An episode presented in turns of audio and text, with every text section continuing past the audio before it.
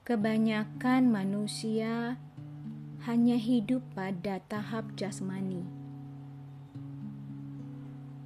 Memberi makan tubuh, memberi pakaian bagi tubuh, memberi macam-macam kepada tubuh. Sesungguhnya, kebanyakan orang tidak ingin diharuskan berpikir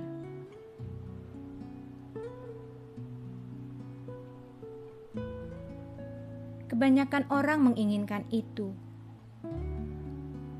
Di mana aku harus duduk? Kapan aku harus berdiri? Bagaimana caranya aku memberi hormat? Kapan aku harus membayar? Apa yang kamu inginkan untuk kuperbuat? Apa saja peraturannya? Di mana batasanku? Beritahukan, beritahukan, beritahukan kepadaku. Akan kulakukan. Beritahukan saja kepadaku.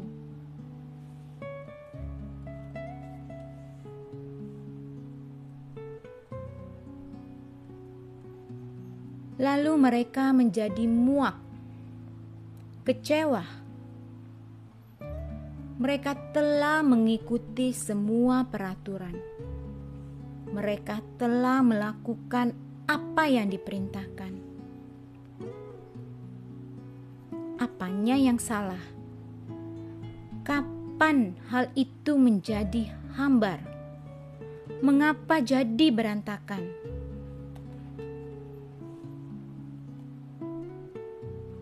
Hal itu gagal pada detik kamu meninggalkan pikiranmu sarana paling kreatif yang pernah kamu miliki.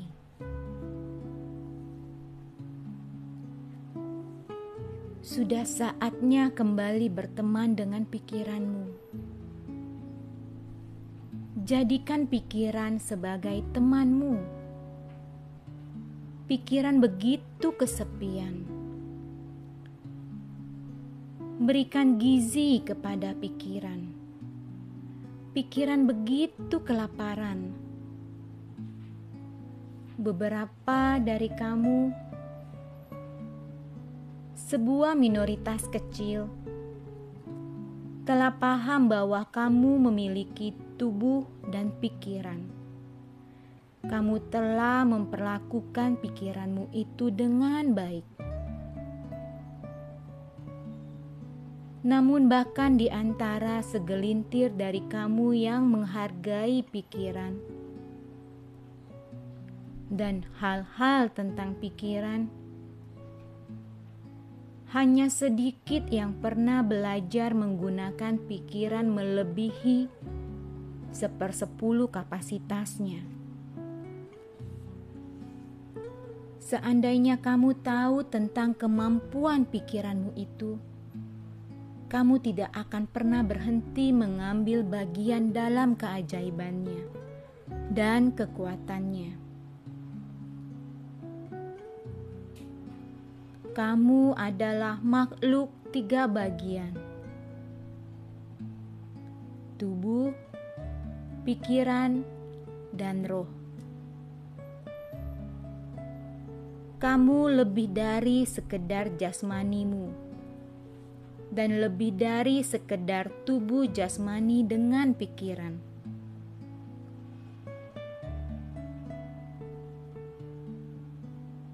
Apakah kamu memberi makan jiwamu? Apakah kamu bahkan memperhatikannya?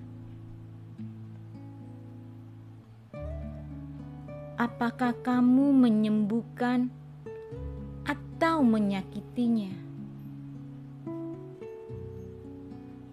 Apakah kamu bertumbuh ataukah menjadi layu? Apakah kamu mengembang ataukah menyusut?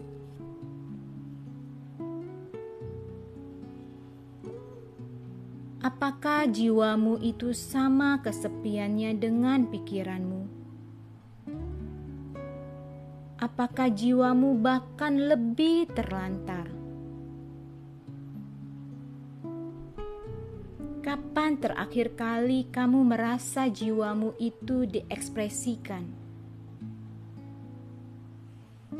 Kapan terakhir kali kamu menangis gembira?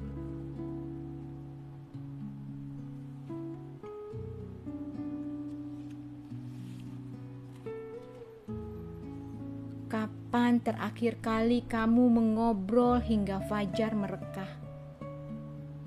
Menyatu dengan alam, mencari Tuhan.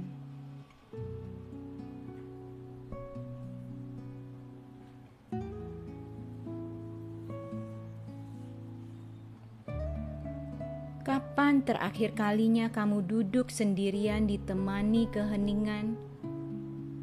Berjalan ke relung hatimu yang terdalam.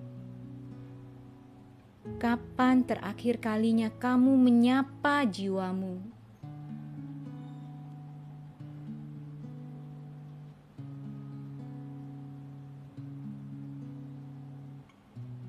Ketika kamu hidup sebagai makhluk satu dimensi, kamu akan terjerumus ke dalam hal-hal jasmani semata uang, kekuasaan, kepemilikan, rangsangan dan kepuasan fisik, keamanan, kemasyuran, perolehan finansial.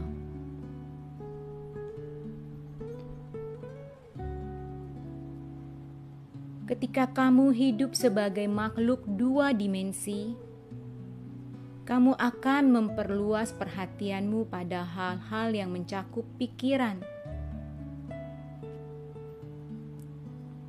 pertemanan, kreativitas, rangsangan bagi pikiran baru,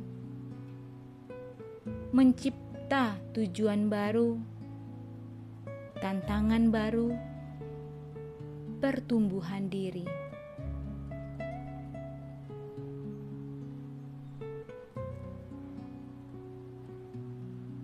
Ketika kamu hidup sebagai makhluk tiga dimensi, pada akhirnya kamu akan mampu menyeimbangkan dirimu sendiri.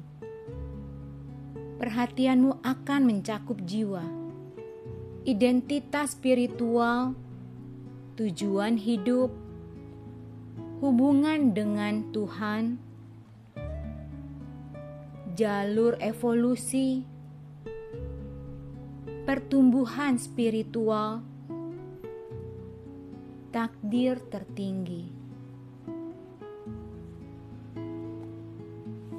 Pada saat kamu berkembang perlahan menuju kondisi kesadaran yang lebih tinggi, kamu akan membawa setiap aspek keberadaanmu ke dalam realisasi yang penuh Evolusimu tidak hanya berarti membuang sejumlah aspek diri demi sesama. Ini hanya berarti mengembangkan fokus, menjauhkan diri dari keterlibatan yang nyaris eksklusif dengan satu aspek ke arah cinta dan penghargaan sejati bagi seluruh aspek. Lalu, mengapa banyak guru mendukung pengingkaran secara penuh? Karena mereka tidak percaya bahwa manusia dapat mencapai keseimbangan mereka percaya bahwa energi di seputar pengalaman duniawi lainnya terlalu kuat untuk sekedar menjadikannya moderat, untuk menjadikannya seimbang. Mereka percaya bahwa pengingkaran secara penuh adalah salah satunya cara bagi evolusi spiritual daripada hanya salah satu hasil yang mungkin darinya.